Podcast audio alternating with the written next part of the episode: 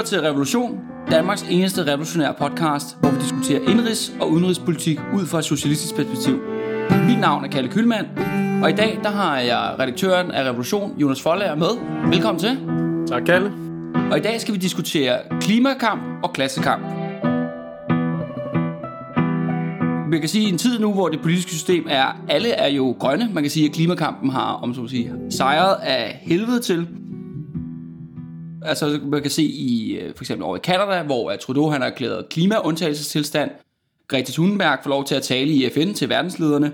Og vi har en ny regering her i Danmark, en socialdemokratisk regering, som øh, har indgået et forståelsespapir med deres støttepartier, hvor at øh, de committer sig til, at vi skal have en 70% reduktion af drivhusgasserne inden 2030.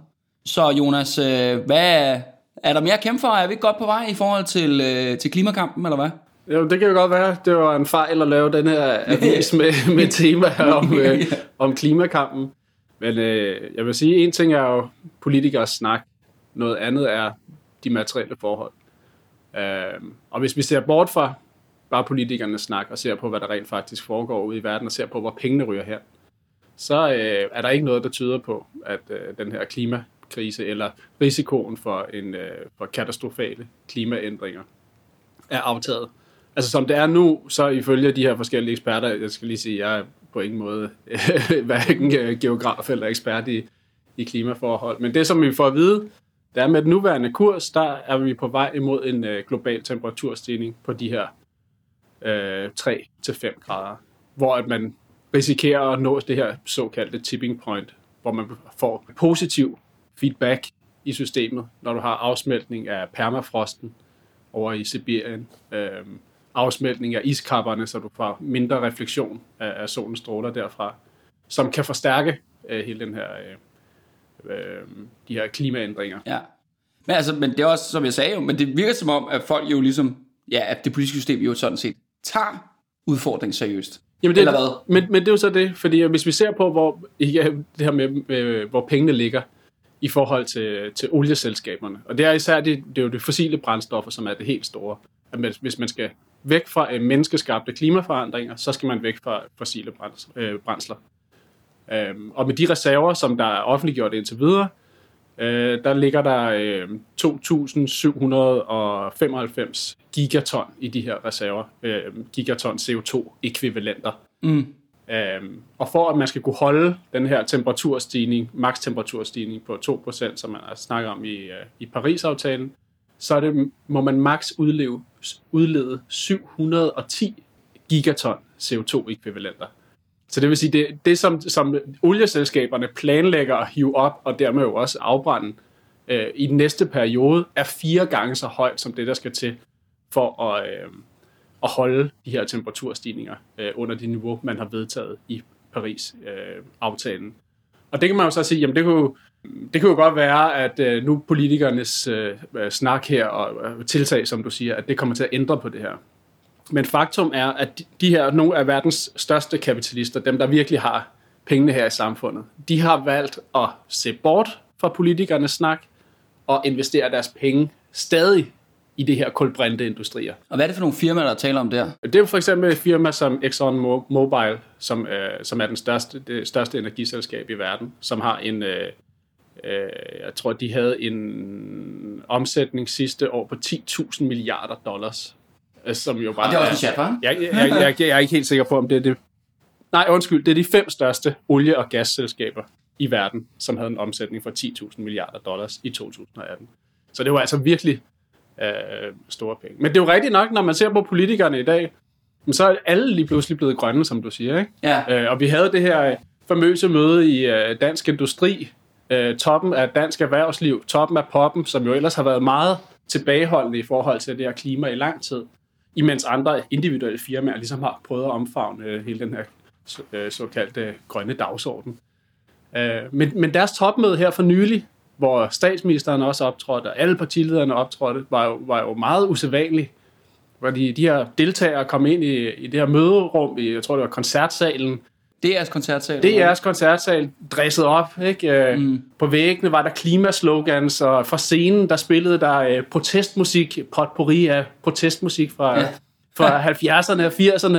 Ja. Og lige pludselig var, var alle øh, grønne, ikke? og de lancerede den her plan om, hvordan at dansk industri kunne være med til at, at lave en grøn omstilling og reducere CO2-udledningen med, med 65 procent. Og det var altså, statsministeren bagefter var jo helt op at ringe Ja. og sagde, nu har vi fået industrien med ombord. Uh, nu, nu begynder det virkelig at, at rykke. Der eksisterer jo også en udbredt idé om, at øh, altså, grøn omstilling er, go- er, er god business. Ja, det er At rigtigt. firmaerne, de skal sgu nok lave, det er jo dem, de skal også være med til at gøre deres del og drive det frem, ikke? Ja, Så på den ene side har vi et individuelt ansvar om, at øh, kunder købe, eller opgive kød, eller købe økokød, eller, eller hvad det nu kan være, eller rejse lidt mindre med fly, er jo også noget, man har diskuteret lang tid, ikke? Og så kommer firmaerne, og de skal sgu nok investere deres penge i grøn omstilling. Og det er jo, kommer vores statsminister ud med den der, den der, de der 350 milliarder, var det det, du sagde? ja, det er jo så det er i forhold til pensionskasserne, Ja, som er lidt, det er noget, der er kommet øh, senere. Men, øh, men der på, Ja. ja. på Dansk Industris topmøde, der sagde hun jo netop lige præcis, at vi kan gøre grønt til guld. ja, Altså, det er en idé om, at det er, det er en god forretning, som du siger, ikke? ja. Kapitalismen er et fleksibelt system, det skal nok overkomme øh, den her, den her hurdle eller Ja, ja, præcis, præcis, og opfylde de sociale behov, der er i samfundet. Man kan jo så stille spørgsmålet, hvis, øh, hvis det var, det var sådan en god forretning. Hvorfor har det kapitalistiske system og det fri marked så ikke for længe siden allokeret kapital til den her sektor, så man ligesom havde haft den her grønne omstilling af sig selv? Fordi det er jo ikke sket. Nej, Øh, så, så, så, så alene ud fra det, så kan vi sige, jamen okay, en, en virkelig grøn omstilling af produktionen kan ikke ske på, øh, på markedsvilkår. Det er noget, der bliver nødt til at komme centralt fra, øh, hvis det skulle kunne lade sig gøre. Øhm, og når man så kigger nærmere på, på dansk industri, den her, den her plan er ordentlig øh, mobbedreng, Ja. de har lavet med øh, plan for en grøn omstilling inden øh, 2030, men så er, i virkeligheden så er- adskiller den sig stort set ikke fra de andre sådan, øh, planer, de udgiver med jævn mellemrum. Det, den sidste, det var deres 2025-plan, og nu er det her det er så deres, øh, deres 2030-plan. Og, og det, den snakker om, det er behovet for topskattelettelser, det er behovet for, at øh, selskabsskatten skal sættes ned, og man skal sætte en automatisk sådan, regulering af selskabsskatten, øh, så den følger de omkringliggende lande osv. Den fuldstændig normale dagsorden for dansk industri. Men så bare lige krydret i nogle, nogle grønne fraser. Ja, Og når så, man- så det, det du siger er, at det hele det her grøn omstilling, det er simpelthen smoke and mirrors. Det er, det er et fatamorgana, som øh, man har pustet op fra dansk industri og politikernes side, for at tale om, som om den grønne omstilling faktisk sker, men hvis vi kigger på de økonomiske planer, og de planer, de ligger for fremtiden, så ser vi ikke den her banebrydende omstilling, som der måske ja, er behov for i betragtning af klodens tilstand. Altså jeg vil våge den påstand, at det er politikerne og magthaverne i samfundet har set den mobilisering, der har været blandt unge mennesker. Ja, Øh, jo personificeret ved hende her, Greta Thunberg. Men med de unge mennesker, der er gået på gaden over hele i størstedelen af, af verden, og virkelig er, er, hvad skal man sige, med en enorm energi og vrede imod det etablerede system, fordi man kan se, der er nogle, nogle utrolige, hvad skal man sige, nogle, nogle s- øh, farlig udvikling, der er undervej, øh, og politikerne gør ikke noget. De, de voksne gør ikke noget. ja, Og, øh, og de har kunne mærke den her energi, energi, og de er bange for den. Og i stedet for ligesom at forsøge at skubbe den tilbage, så er de nu gået i gang med at omfavne den og knuse elske den. Mm. Øhm, og farve hele det bestående, hvad skal man sige, status quo i grønne farver, så vi kan fortsætte sådan, som vi har gjort hidtil. Fordi sagen er, der bliver tjent sindssygt mange penge på den måde, som, som samfundet er indrettet i dag. Med den produktion, der er i dag, og med den øh, energi og infrastruktur, der er i dag. Og det har de ikke nogen, de, de herskende klasser i samfundet har ingen interesse i at, at omstille det her, fordi det vil betyde et, et hårdt slag for, for deres øh, profitter. ja. Øhm, så i stedet for, så omfavner de det. Men det er også, altså, men, hvis vi skal lave det her om, fordi øh, lige før, der nævnte du det der med, om så skal der øh, brug for en central planlægning for at lave den her, hvad hedder det, øh, omstilling og sådan noget. Og, men hvad er det? Altså, hvad, hvad ligger der i den centrale plan? Jamen, øh, det er jo så, man kan sige, kommunister, vi kan jo altid godt lide centrale planer, ikke? Planøkonomi på fem år.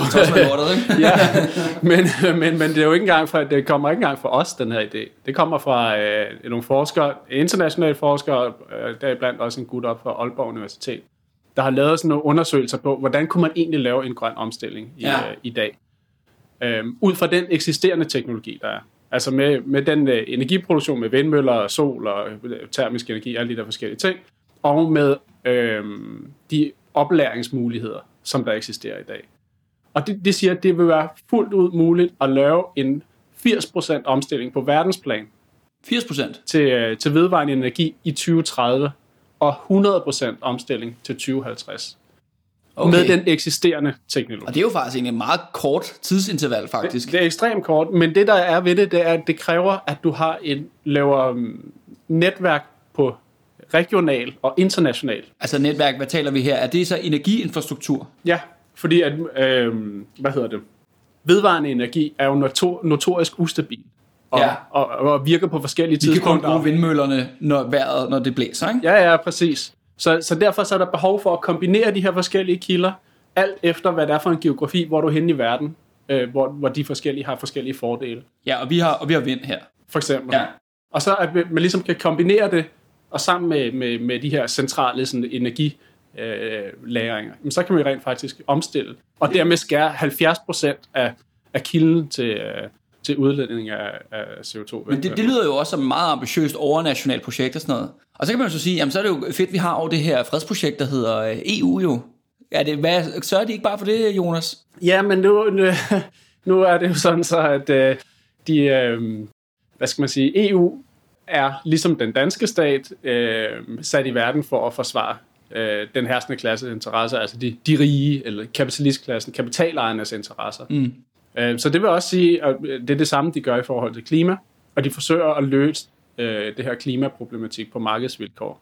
Så de har lavet det her kvotesystem, ja. som overhovedet ikke virker. Er det det der, hvor vi køber kvoter af, af fattige afrikanske lande, fordi de sjovt nok ikke har så meget CO2-udledning, eller hvad? Ja, jeg må indrømme, jeg kender, jeg kender ikke uh, teknikaliteterne okay. i det, men altså ideen er, at du har en eller anden fast antal kvoter for, hvor meget du må udlede, og så kan du ligesom uh, købe dig ud af det, hvis du uh, vil udlede. Ikke? Så, ja. så på den måde, så bliver det beskattet udledning af, af CO2 på den måde. Ja.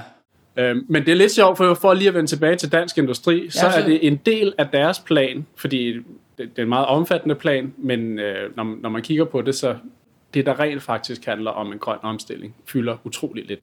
Okay. Øh, og en af elementerne... På trods af det der show, du snakker om. Ja, ja, for helvede. Ja. Øh, et af elementerne, det er at, øh, at bruge det her kvotesystem. Fordi, som de skriver selv i deres... Øh, Øh, deres rapport, at det er simpelthen for dyrt og urealistisk at lave en egentlig øh, grøn omstilling. Skriver de det? Det står, jeg, jeg kan prøve at finde citat, men ja. det er øh, en, en lille linje, der er snedet ind. In the fine print, eller hvad? Ja, ja. ja. Øh, I den her rapport, som jo ellers, eller plan, som ellers skulle vise, hvordan kan vi omstille, så siger de jo i realiteten, det kan vi sådan set ikke, for det, det er simpelthen øh, for dyrt. Men det vi godt kan, det er, at vi kan sænke selskabsskatten, og vi kan sænke topskatten, og ja, ja. smadre den offentlige sektor, alle de her ting, øh, som, de, som de altid siger. Ikke? Øh, så, så, så det vi kommer tilbage til lidt, det er, at hele det her øh, klimaspørgsmål, i virkeligheden, i stedet for at være en stor, bred, national ting, hvor vi alle sammen er sammen, at vi kan se, at, at det her at klasselinjer ligesom træder igennem på det her øh, klimaspørgsmål. Og det gør det i forhold til, hvordan man kan løse det, og det gør det også i forhold til effekterne. Mm. Altså fordi man kan sige, det er jo verdens fattigste, som kommer til at blive ramt af det, det er åbenlyst i øh, hvad det hedder, underudviklede lande, hvor du har dårlig infrastruktur, dårlige bygninger osv., hvor de bliver udraderet. Du kan ikke få vand, der kommer saltvand i, øh, i grundvand, og alle de her forskellige ting, man snakker om klimaflygtning osv., men jo også ja. i, selv i, i udviklede, veludviklede kapitalistiske lande, som USA, hvor vi med de, øh, med, hvor vi har udsigt til klimaforandringer, som kan have effekter, som vi ja, så de har jo haft de her orkaner og storme. Ja, ja, som vi Katrina så med er jo nok et Katrina, præcis. Og, og der blev det jo lige pludselig øh, ekstremt klart det her med, hvordan at klasseskældet er så essentielt i det her spørgsmål om klimaforandringer. For der havde man situationen med øh, fattige arbejderfamilier, der måtte øh, slæve sig igennem det her giftige vand og forsøge at, at finde noget mad, Imens, ja, øh, mens Nationalgarden fløj rundt i kamphelikopter over deres hoveder. Ja, præcis, og blev sat ind til at forsvare de riges ejendom imod de her hårder af fattige, som skulle have vand og mad. Mm. Altså det er jo virkelig, øh, der, der kan man se øh, klasselinjerne igennem effekterne for, øh, for klimaforandring. Men altså, altså nu er det jo meget også i forhold til klima, der er jo også nogen, der virkelig sådan, kan man sige, altså hvor du ser det klimaforandring som en slags dommedags ting, der ja. ligesom er coming up. Og det er også bare, okay, worst case scenario, det hele går bare helt af helvede til. Hvad tror du så vil ske med kapitalistklassen i den situation? Ja, de skal sgu nok klare sig. Altså, de klarer sig altid. Det er jo, ja, det er ikke ja, noget problem. Og, og jeg er fuldstændig enig i den, der, den her tanke, som jo bliver skubbet lidt af også øh, de her velmenende NGO'er og så videre, det er jo det her, at verden den går under. På en ja, vi bliver det nødt, de jo. Og det er derfor, det er, det er deres begrundelse for, at vi bliver alle sammen nødt til at stå sammen. Nu skal vi se bort fra politik. Vi skal ja. alle sammen med på den grønne omstilling her. Ikke? Og, Og så skal vi lade være at kritisere hinanden over øh, klasselinjer og interesser og alle de her forskellige ting. Vi er alle sammen i samme båd, jo. Præcis. Men det er vi jo lige præcis ikke. Fordi de, de rigeste i verden, de skal nok klare sig, og de er allerede i gang med at, at klare sig og købe øh, de her mansions i øh, sikre områder, hvor de kan ja. sidde i fred, og de kan have deres guarded community, hvad hedder Himalaya, det, gated communities. Himalaya Real Estate. Ja, præcis. og så kan de have vagter ude foran til at skyde de fattige, når de prøver at, at komme ind, ikke? Øh, Så de skal nok klare sig. Jorden skal nok klare sig. Altså, den har jo set øh, værre ting. Ja, ja. Jeg synes, det er, det er selvfølgelig en ret anderledes boldgade, men det, det er lidt sjovt at se sådan noget som øh, Chernobyl, for eksempel. Ja. Eh, du snakker ikke om serien, den har jeg ikke set. Det Nej. var spoilet. Men, Nej, okay, ja, fint nok. men, men, men der kan vi se den Værket springer her... i luften, kan jeg også. Okay. Ja, men, men den der by, der er blevet, øh, ligger fuldstændig øde, ja. og hvor man tænkte, okay, alt liv her er færdigt og så videre. Men, men, men det sjove er jo, at øh, naturen den øh, klarer sig jo glimrende over nu. Altså Ja. den, den er jo kommet tilbage. Øh, nye, eller ikke nye arter, men altså arter, der har været trængt tilbage. Bum, det, det hele blomstrer på en eller anden Ja. måde. Så naturen skal sgu nok klare sig. Det spørgsmålet, det er om de 99 procent af jordens befolkning, som ikke er af de rigeste, ja. som kommer til at få effekten af det her. Men, Så, øh, men det er jo også interessant, når vi diskuterer netop krise, ikke? og når nu, nu snakker man for eksempel andre øh, hvad hedder det, eksempler og kontekster. Altså kapitalismen har været i krise mange gange, altså økonomisk, og endda også nogle gange sådan politisk, hvor det virkelig sådan, altså virkelig tog hårdt til med revolutioner rundt omkring i hele verden og sådan noget. Men spørgsmålet er om det her med klimaspørgsmålet. Er det, er det den nye krise? Ikke? Er det den, der kommer til at vælte kapital, kapitalismens læs? Eller den sidste, eller du ved, hvad, hvad tror du øh, i forhold til sådan noget? Nej, det, altså det, det tror jeg ikke.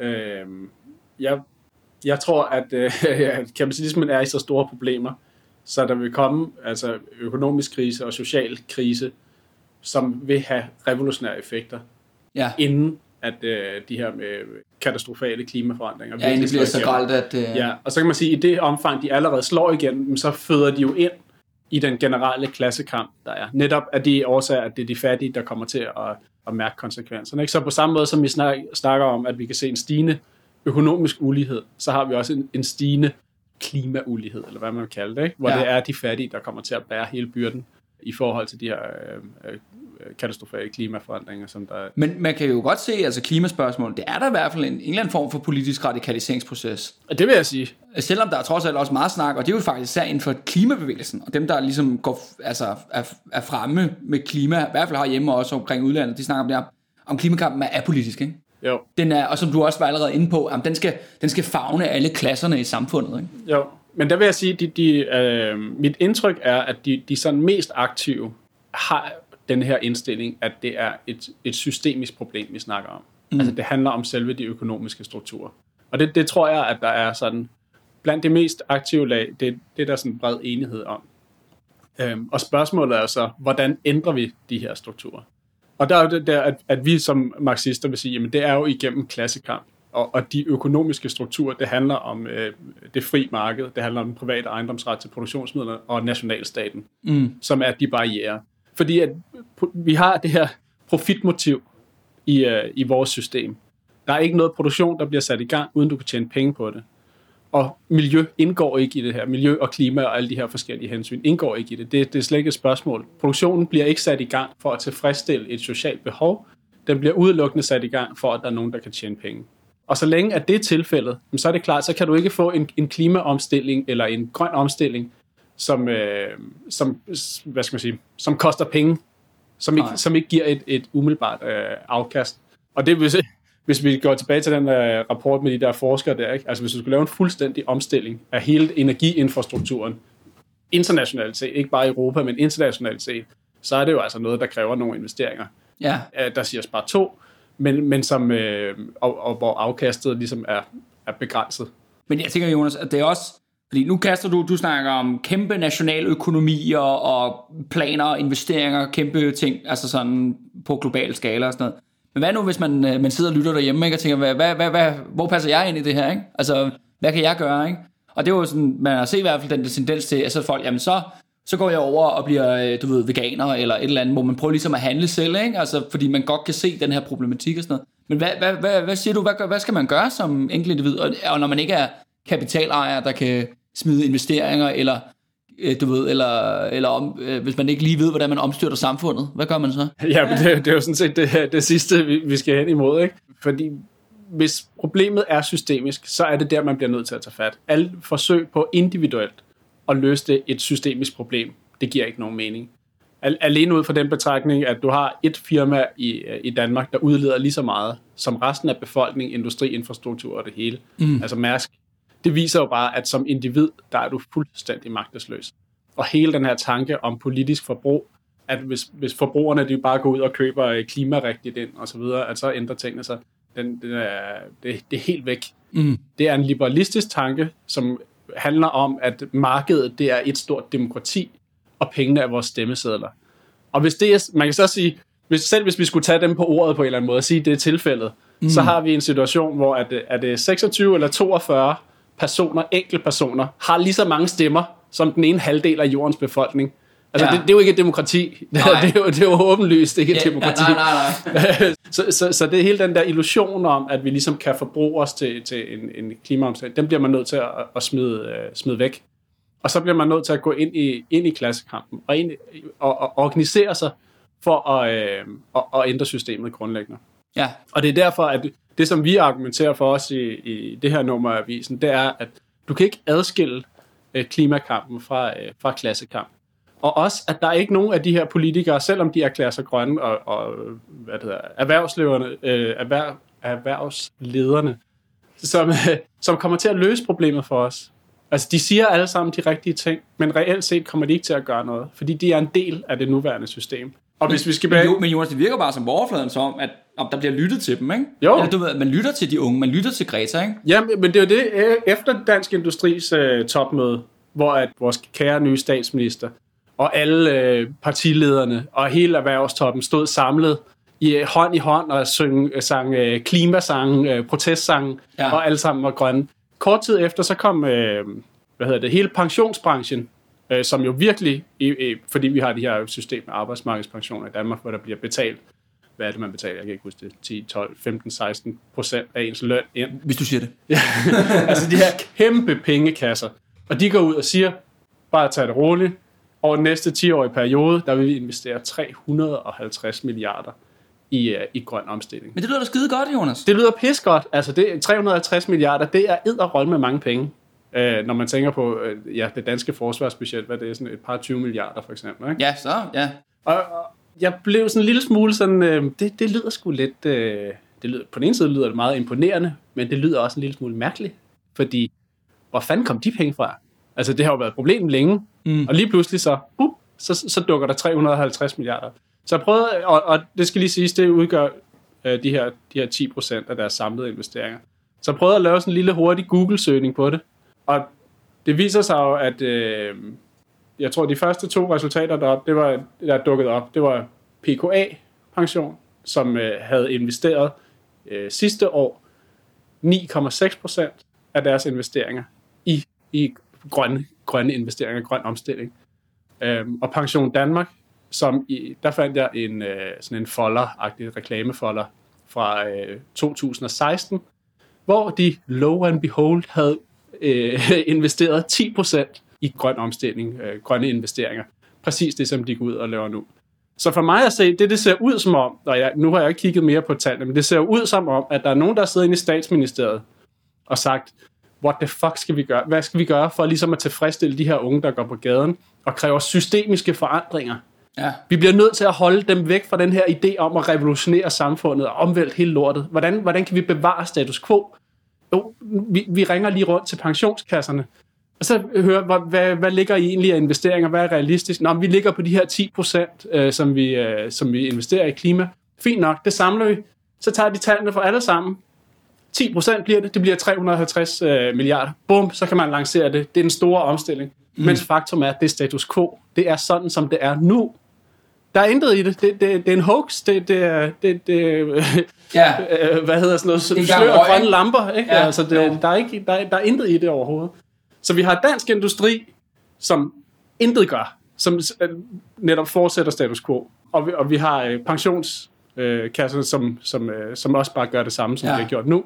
Og det er det, som, som vi bliver bedt om at tage til takke med i forhold til, til den grønne omstilling. Og for mig at se, så er det et forsøg på at, at kvæle den her bevægelse ved at ramme den ihjel, hvis man Men det er faktisk meget interessant, øh, også i forhold sådan, til dansk politik og den grønne omstilling, den, den der indbildthed. Ikke? Vi har sådan en idé om, at Danmark er sådan en førende klimanation. Ikke?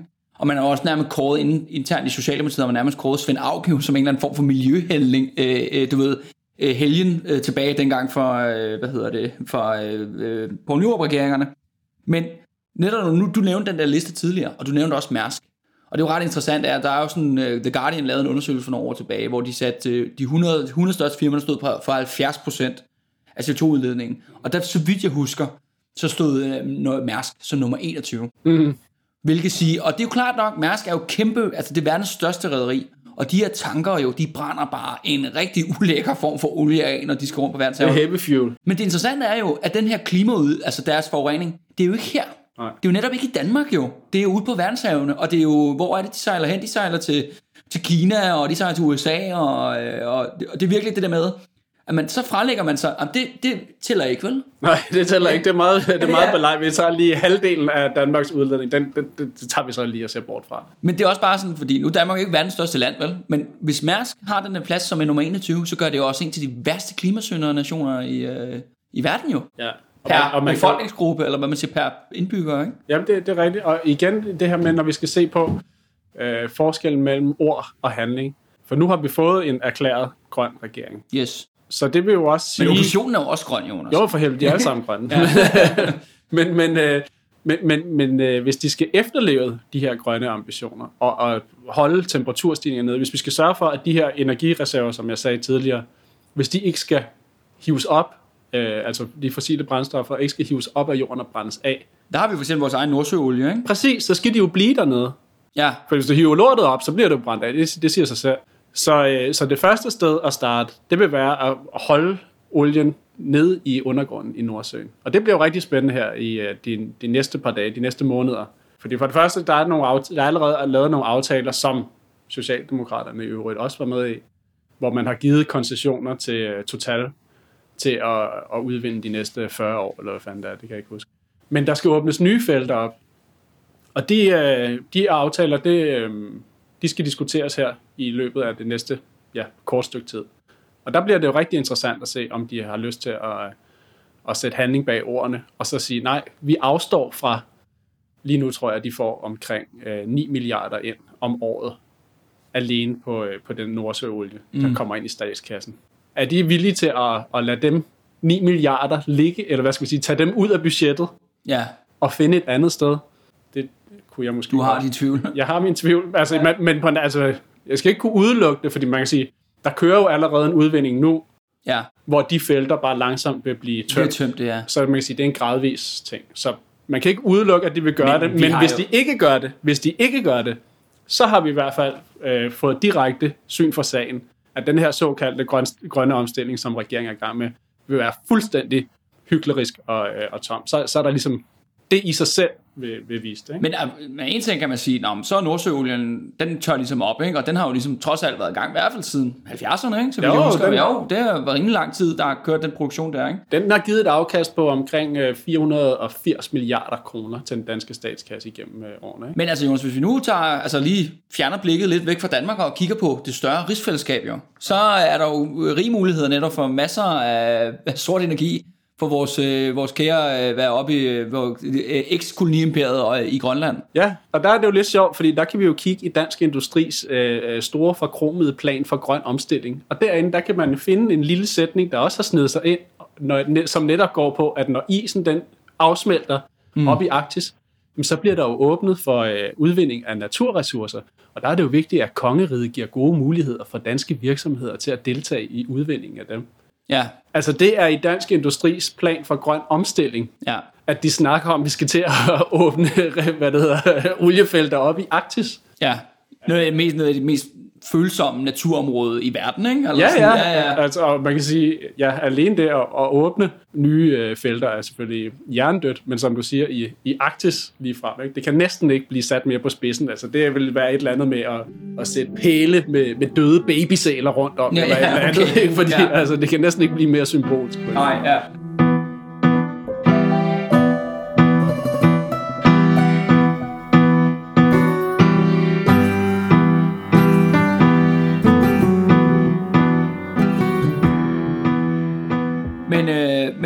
Til, øh, kan man sige, til, til Danmark og, og den, lidt, den lokale klimakamp og sådan noget.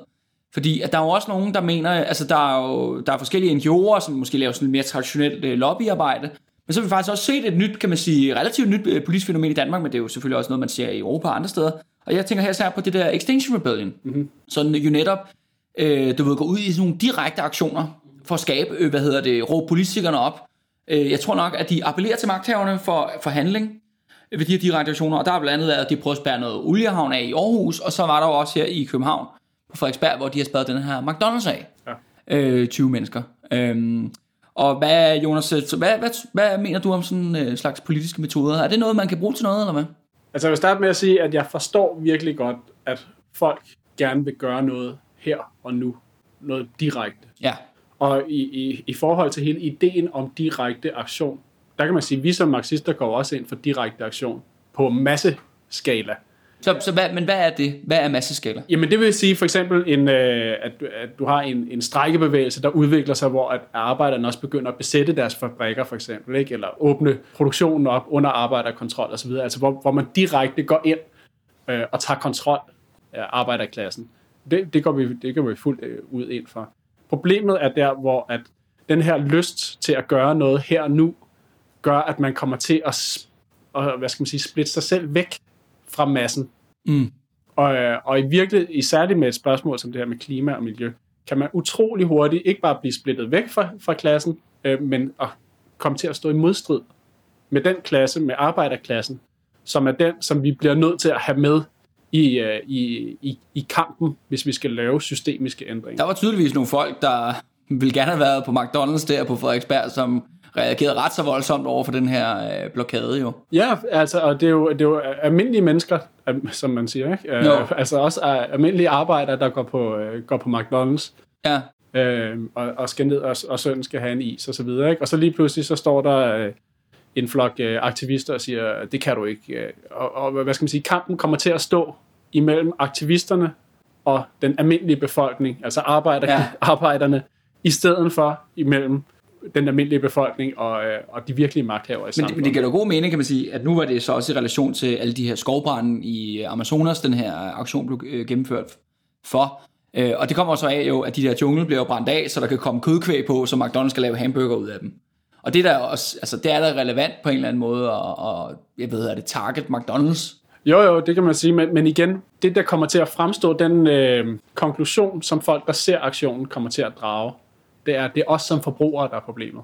Ja. Altså det er en eller anden forsøg på at, at tvinge forbrugerne til at, at lade være at forbruge øh, klima syndige varer, eller hvad skal man det er jo det? virkelig, altså, men det er også noget relevant, apropos, vi, nu har vi også, det er jo et gammelt fænomen i europæisk politik med det her med grønne partier, men nu tænker jeg på Alternativet, mm. som snakker om, nu, nu fik Danmark sit grønne parti og sådan noget, men i, i hvert fald det, jeg har set mest i medierne, når de kommer med forskellige udspil, jamen det har jo altid været det der med om targetet individuelle forbrug, ikke? Jo. Sæt øh, kødpriserne helt vildt højt op, for eksempel, og sådan nogle ting. Ikke? Ja.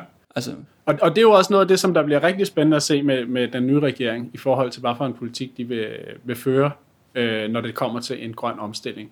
Fordi hvis du skal gøre det inden for markedets rammer, så er den måde, du kan gøre det på, det er jo ved at, øh, at lave såkaldt øh, adfærdsregulerende afgifter. Der tidligere regeringer har jo snakket om sådan noget med betalingsringen. Øh, ja eller du, du kan sætte øh, afgiften op på kød, eller hvad fanden ved jeg, er sådan nogle varer, som har et, et stort et klimapåvirkning. Det vil være sådan en løsning inden for, for, for markedets rammer.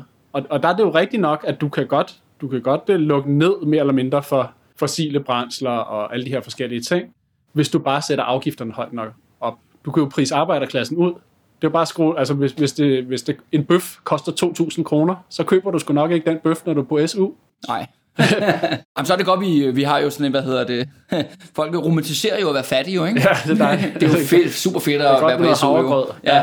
Men øh, hvis du øh, oppe i whiskybæltet, der skal de sgu nok få deres bøffer. Altså allerede nu, så sidder de jo og henter, øh, hvad det hedder, øh, importerer troede dyr, og hvad ved jeg. Det, det skal mm. bare være så dyrt som muligt, ikke? for at man Nå. kan vise sin rigdom. De skal nok fortsætte deres forbrug.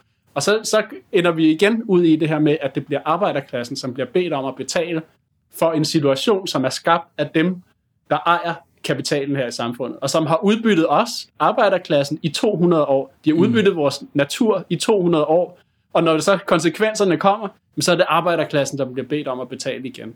Ja. Øh, og der vil vi, øh, der vil vi sige, det, det, det synes vi er en relativt dårlig Det er relativt dårlig idé. Men øh, Jonas, i forhold til McDonald's på Frederiksberg og den her øh, blokade, hvis du siger, at øh, det her det var ikke løsningen, og man stod ligesom, øh, man kom til at frastøde normale danskere, og ja, endda kom i konfrontation med dem ude på gaden, hvad skulle de så have gjort? Altså jeg vil sige, jeg tror ikke, der er nogen grund til at opfinde spektakulære aktioner. For vi har jo sådan set allerede en ret bred klimabevægelse. Men det får der opmærksomhed. Uh, hvad, hvad tænker du? Uh, Extinction Rebellion? eller? Ja, altså det... Ja, det gjorde de. Ja, Ja, de fik sig ja. også på puklen, og Ja. ja. alle, der, der hater på dem. Øh, Jeg tror, som du sagde, at det, det havde desværre den effekt at skubbe mange væk fra klimakampen og sige, jamen det her det er, ikke, det er ikke noget for mig. Det er, det er de her øh, klimafanatikere, eller hvad mm. ved jeg. Øh, Men for mig at se, der er, ikke, der er ikke behov for at lave de her spektakulære aktioner. Hvad der er behov for, det er at radikalisere den bevægelse, som der allerede foregår blandt unge nu. De her massedemonstrationer, som vi har haft, er unge mennesker, som søger radikale svar, radikale løsninger på de her meget alvorlige problemer. Og der synes jeg, det er der, man bør sætte ind. Og fra talerstolen derop, forestil dig, at man rent faktisk går ud og, og kæder, fra talerstolen kæder den sociale kamp og klassekampen sammen med, med klimakampen. Det vil blive enormt magtfuldt, at du har tusindvis af unge, der står og råber på øh, revolution, ikke? Øh, hvad det hedder. Altså, ja. man ligger ansvaret øh, der, hvor det, hvor det rent faktisk hører hjemme. Ja, okay, men så lad os bare lave et tankeeksperiment. Vi vil gerne lave en aktion omkring McDonald's, og det skal virke. Og det skal i hvert fald ikke være i tilfælde, hvor man altså, altså frastøder normale arbejderklasse danskere. Mm-hmm. Hvad skulle de så have gjort? Ja, altså, øh, ja, for det første i forhold til, hvem man, man vil ramme. Altså, der vil jeg jo synes, det, hvis man endelig skulle gøre et eller andet, så skulle man da tage, øh, øh, nu ved jeg ikke, hvem fanden, man kan jo ikke sige den lokale ejer, men hvem der ligesom står i spidsen for øh, McDonald's i Danmark. Ja, der må være nogle underdirektører. Der må være et eller andet ja, ja. der, ikke? Og så kunne man da tage og troppe op uden for hans hjem. Altså, det vil, det vil da være at lægge den sådan lidt mere på, på, på det rigtige sted, hvem der har ansvaret for nogle af de, hvordan forretningen kører og så videre, ikke? Ja, Øhm, men, men stadig, så, så vil jeg sige, at der, hvor det, hvor det rykker, det er, når det kommer på masseskala. Og det, er, det kan du ikke rigtigt. Du kan ikke opfinde en massebevægelse. nej. Sagt på, andre, på en anden måde, at almindelige mennesker, de vil gerne bare have et liv, der fungerer, ikke? Jo. Altså stå op om og øh, øh, børn kan komme nogenlunde i, i, en, i en ordentlig skole, uden de bliver sådan fuldstændig øh, smadret psykisk og så videre, ikke? og de kan få en eller anden uddannelse og nogenlunde fremtid. Så længe at systemet kan levere det her, så, er folk egentlig, så går folk ikke på gaden. Nej. Og det er, det, det er ligegyldigt, om der står en eller anden og råber på en ølkast eller noget. Men sagen er, at det nuværende system ikke længere kan levere på samme måde, som det gjorde før. At de sidste 30-40 år, så har reformer været lige med nedskæringer. Så vi kan se i det ene land efter det, det andet, at de sociale modsætninger ligesom stiger. Frustrationerne stiger blandt øh, sådan den brede befolkning af arbejdere og unge. Men det er ikke altid, det får nødvendigvis et udtryk, men det ligger og ulmer som en trykkoger på en eller anden mm. måde. Øh, Så der vil vi argumentere for, at det, den indgangsvinkel, man bør have, i stedet for at prøve at opfinde en bevægelse, eller skabe, kunstigt skabe en bevægelse, det er at, at være, hvad skal man sige, forbinde sig med almindelige arbejdere og unge, og så ligesom være klar til at bevæge sig, når de bevæger sig, og, og bevæge sig med dem. Mm. Og der, det kunne man jo også gøre i forhold til det her med klimaspørgsmål, at flette den sociale kamp sammen med klimakampen. For eksempel, et rigtig godt eksempel, synes jeg, er, er de gule veste i Frankrig. Ja. En bevægelse, der jo sådan set blev startet imod... Det var et socialt spørgsmål, jo, ikke? Ja, Eller hvad? ja, fordi det sjove er jo, at det var en bevægelse, der blev startet imod et såkaldt grønt tiltag. Ja, Altså benzinpriser, en, ikke? Ja, en stigende afgifter på... Og individuelt forbrug af benzin. Ja, og det blev øh, Macron, han brugte argumentet, at det her er jo, det var af miljøhensyn, ikke? og klima og alle de her ting, så sætter vi øh, afgifterne op på brændstof. Men hvor folk de gik på gaden, fordi de var altså, i en, en desperat situation, det er bare, okay, nu skal vi gøre os endnu fattigere. Vi har ikke valget mellem, kan vi tage vores bil og lege, når man bor ude i en eller anden forstad, og man skal, øh, hvad det hedder, på arbejde. Det er bare endnu en skat. Hvorfor er det os, der skal betale, samtidig med, at de store firmaer, Total, Ja. faktisk direkte Total, øh, det franske Ja, ja, ja. selskab, at de får øh, øh, skatterabatter og så videre. Hvorfor er det også almindelige mennesker, der skal betale endnu en gang? Og de går på gaden. Og der kan man se, i den, øh, de gik ikke på gaden, fordi det var imod klima og, og grøn omstilling og så videre. Men de gik imod på, øh, på gaden, fordi at, øh, at de ikke ville betale endnu en gang. Mm. Og der, havde, der har man jo muligheden for i sådan, i, i sådan en kamp at sige, jamen det er jo fuldstændig rigtigt. Det er den herskende klasse, det er kapitalejerne, som vi skal have til at betale for konsekvenserne af det system og den udbytning, de har kørt igennem så mange år. Og bruge, hvad skal man sige, ja, flet, flet klimakampen sammen med, med den sociale kamp. Ikke? Men det er også virkelig interessant, når man kigger sådan, hvad den danske befolkning, fordi der er jo altså bred støtte til klimatiltag Ja. og grøn politik i den danske befolkning. Og på den anden side har vi jo også, kan man sige, en meget, meget udbredt politikerlede Ja. og, og manglende tro på systemet. Men vi har jo ikke de gule vest her jo. Nej, men det er jo interessant, hvad, hvad, hvad, hvad, hvad konsekvensen bliver af den omfavning, der er nu af den grønne omstilling. Hvis, det, hvis, hvis, vi, hvis, Hvis- vi, hvis vi har ret, Altså ligesom med Greta, hvor hun tydeligvis, I, I, I gør jo ikke noget, eller. Ja. I lyver for ja, os. Ja, og også det her med, at når de går ud og omfavner hele det her klimaspørgsmål og den grønne omstilling osv., hvis det så viser sig, at det bare er varm luft, at alle de her 350 milliarder, alle de her forskellige tiltag, at det er, det er et hoax, at det er svindel, Mm. hvad, hvad vil effekten så være af det? At det tror jeg ikke, politikerleden øh, vil blive mindre. Men det er jo klart, det, det, vil, det vil tiden jo vise, om vi har ret i, i, i, i vores analyse af det. Øh, at det her det er virkelig et stort svindel fra, fra det politiske establishment og fra, fra, fra den herskende klasse. Øh, at der ikke er noget, der er ikke noget bund i det i virkeligheden. Ikke? Mm. Og, det, og det tror jeg, der kan få, få kæmpe, kæmpe konsekvenser. Særligt, hvis det så bliver kombineret med, at man vil til at indføre nye afgifter og så videre, som man lægger på, øh, på arbejderklassen. Og så lige apropos det, også måske her sådan, øh, når vi skal til at runde af her, også i i forhold til revolutionære socialister og vores øh, politiske invitation i klimabevægelsen. Fordi der var jo været nogle demonstrationer her jo, der er jo øh, var her den 20. september, var der en demonstration, og der øh, ved jeg blandt andet, at du deltog. Øh, og kan du ikke, øh, hvad, ja, hvad, hvad, hvad, hvad, hvad, hvad gjorde vi til den her demonstration, og hvad oplevede vi, og hvad tror vi, hvad skal, skal ske herfra? Altså, vores tilgang, det er, at klimabevægelsen bliver nødt til at være politisk, Ja, og den bliver nødt til at, at være radikal, og den bliver nødt til at forbinde sig med arbejderklassens kamp. men det var jo ikke det, vi så jo Nej, til den her det, klimademonstration. det, som vi, det, det, det, som vi oplevede, det var, at man sådan, og igen, jeg skal ikke kunne sige, om det var enkelte personer, i, øh, der ligesom sidder og organiserer den her bevægelse, eller hvordan det var. Men det, vi fik at vide, øh, og som blev meldt ud fra officielt hold, det var, at der var ikke nogen plads til politi, øh, partipolitik. Og det er dem her Fridays for Future, ikke? Ja, altså det, Fridays for Future er jo sådan en, en bred bevægelse, der består af alle mulige, som ligesom er med til at... Dem, der organiserer det, er, er, er, repræsenterer alle mulige forskellige organisationer. Og jeg ved ikke, om det er tilfældet, men jeg kunne godt have... Nej, det skal man heller ikke spekulere for meget. Men øh, jeg tror ikke, det hjælper, lad os sige det sådan, jeg tror ikke, det hjælper, at der er øh, NGO'er, som ligesom også sidder med i at organisere det her. Øh, fordi De kæmper det politiske. Ja, fordi det er jo øh, organisationer, som per definition skal være upolitiske, som skal fungere inden for det system, som vi er i nu, skal hente deres funding fra staten og rigmænd og hvad ved jeg, øh, som, som er en del af, af det nuværende system, og som ikke har nogen interesse i at, at ændre på det grundlæggende. Det vi i hvert fald oplevede i forhold til, øh, til den demonstration, det var, at vi fik at vide, at røde flag det er jo sådan noget, vi har jo. vi har røde flag, og Ja. vi har stjerner, og især øh, hammer og sejl, det måtte, ikke, øh, øh, hvad det, hedder, det måtte man ikke tage med til den her demonstration. Og, og for mig at se, så er det en, øh, det er en kæmpe fare for bevægelsen, det her, øh, hvis den går over og bliver ren apolitisk. Fordi så er det reduceret til, jamen vi er alle sammen i samme båd. Og det er også i hvert fald, i hvert fald en enkelt person, eller måske flere, så gives det langt at sige, at de vil true med at sende politiet Ja, øh, efter os, hvis vi netop øh, delte vores materiale ud. hvis vi og- delte løbesedler. Hvis det ja. ja. løbesedler ud. Og, og det kan man så sige, det må formentlig grunde i en misforståelse, fordi at det har Der er ikke nogen, der været... er klar over, der ved, kender til reglerne omkring demonstrationer, eller... Altså det må man håbe. Det har ikke været Ja. forbudt at dele flyveblade ud siden 1945, da nazierne ligesom sad på øh, systemet her Ja. i Danmark. Ikke? Så det er jo en normalt demokratisk ret, og selvfølgelig øh, må man det. Øh, Mm. Så det tror jeg, de ville have haft lidt svært ved at overbevise øh, selv, selv Ja. ja. øh, politiet om, at, at man ikke var. Men, øh, men ja, at, at det er en super farlig retning at, at gå ned af det her med at afpolitisere bevægelsen. Fordi særligt i en situation, hvor at bevægelsen nu bliver omfavnet af systemet, og omfavnet af som vi samfundets top, snakkede rigtig meget om i starten, ikke? Ja, der er der behov for nu, altså min fornemmelse med den her klimabevægelse, i hvert fald i Danmark, jeg tror det er forskellige forskellige lande, men i hvert fald i Danmark, står ligesom over for en skillevej på en eller anden måde. Fordi at i starten, i foråret, mobiliseringerne, det var helt klart imod politikerne, det var imod det bestående osv.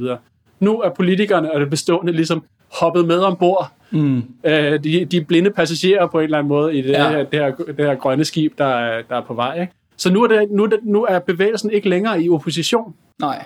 Og, og hvad gør vi så? Fordi så, hvis, den, hvis den bliver stående her, så bliver den jo sådan set, mm, hvad skal man sige, bare en fortsættelse af, altså det bliver fortsættelse af status quo. Det kan sagtens være, at det ligesom også er en naturlig udvikling i en bevægelse, at den ligesom bare, bevægelsens nuværende form har opbrugt, hvad der ligesom var af potentiale. Men så ligesom skal finde ud af, hvor skal den hen nu, og hvor den står, for mig at se, står over for en skillevej. Hvor enten, så kører man med politikerne og det bestående og så videre, appellerer øh, sådan bare om en klimalov og hvad fanden ved jeg. Eller man tager en, en radikal drejning og kører det over på klasselinjer og, og, og virkelig viser, hvem det er, der, øh, der er ansvarlig for det her øh, system og, og går efter roden på problemet. Ja. Så, Jonas, hvis man gerne vil lave, øh, hvad hedder det, grøn omstilling, klima, klimarevolution og, øh, hvad hedder det, og tage opgør med systemet, hvad gør man så? Ja, så jeg synes, det var man, det, vi kalder et ledende spørgsmål. det var et ledende spørgsmål, og så synes jeg, at man skulle tage at blive revolutionær, og man skulle organisere sig og lære af tidligere tiders øh, revolutionære erfaringer. Øh, marxistisk teori, det er jo det, vi siger, at marxisme i virkeligheden er arbejderklassens generaliserede erfaringer. Lære af dem, sådan så at når der kommer en bevægelse, ligesom med de gule veste i Frankrig, der poppede op ud af ingenting, når der kommer stor social bevægelse i Danmark, eller det kunne også være den her klimabevægelse, der udvikler sig, så er vi klar, så er vi organiseret, de revolutionære er klar og organiseret til at, at være en del af det her, og kunne give et reelt alternativ, i stedet for at det bare bliver væltet tilbage i status quo, og vi fortsætter som hed til det. Yes. Og med det, så siger jeg tak, fordi at øh, du kom, Jonas, og Tak snakkede klima øh, med mig. Og øh, så siger jeg tak til alle lytterne. Og øh, Revolution vil vende øh, stærkt tilbage på øh, om ikke så længe.